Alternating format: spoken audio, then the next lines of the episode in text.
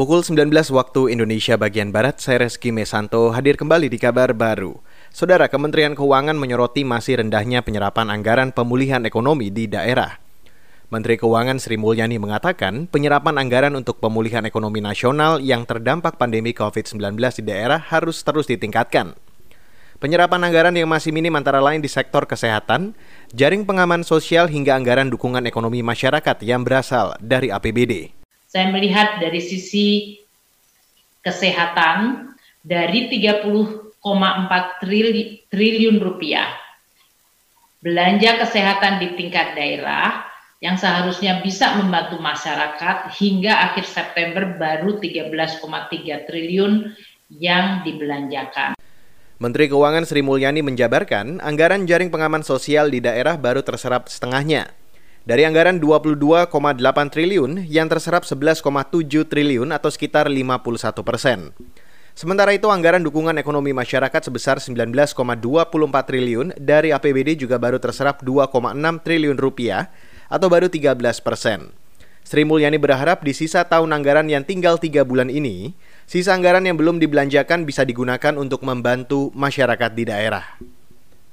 Kita beralih ke informasi selanjutnya, Saudara. Nilai ekspor produk garmen dari negara-negara produsen di Asia turun drastis hingga 70% akibat pandemi COVID-19. Catatan itu dilansir Organisasi Buruh Internasional atau ILO dari riset selama paruh pertama tahun 2020.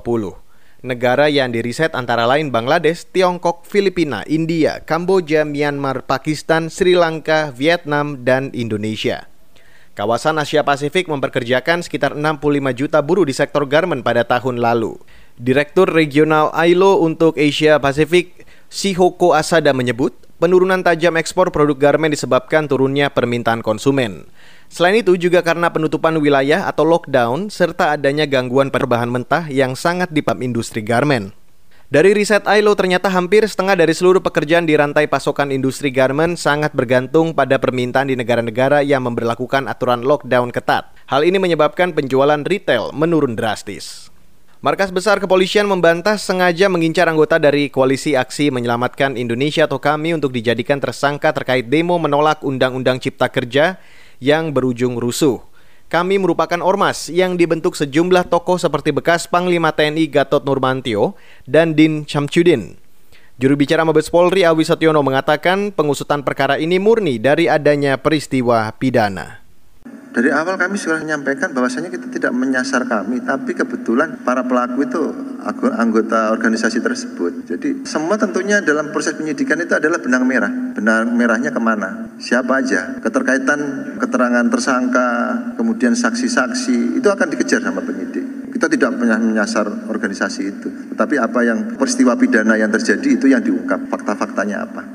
Itu tadi juru bicara Mabes Polri Awi Setiono. Sebelumnya sejumlah anggota kami ditetapkan sebagai tersangka dugaan menyebar ujaran kebencian dan hasutan di media sosial yang mengakibatkan demo rusuh. Sebagian dari mereka merupakan petinggi kami yakni Syahganda Nainggolan, Jumhur Hidayat, dan Anton Permana. Terbaru, tiga relawan kami di Bandung juga ditetapkan sebagai tersangka penganiayaan aparat saat demo. Direktur Amnesty International Indonesia Usman Hamid menduga penangkapan ini dilakukan untuk menyebar ketakutan ke pihak-pihak yang mengkritik pengesahan Undang-Undang Cipta Kerja. Demikian kabar baru KBR saya Reski Mesanto.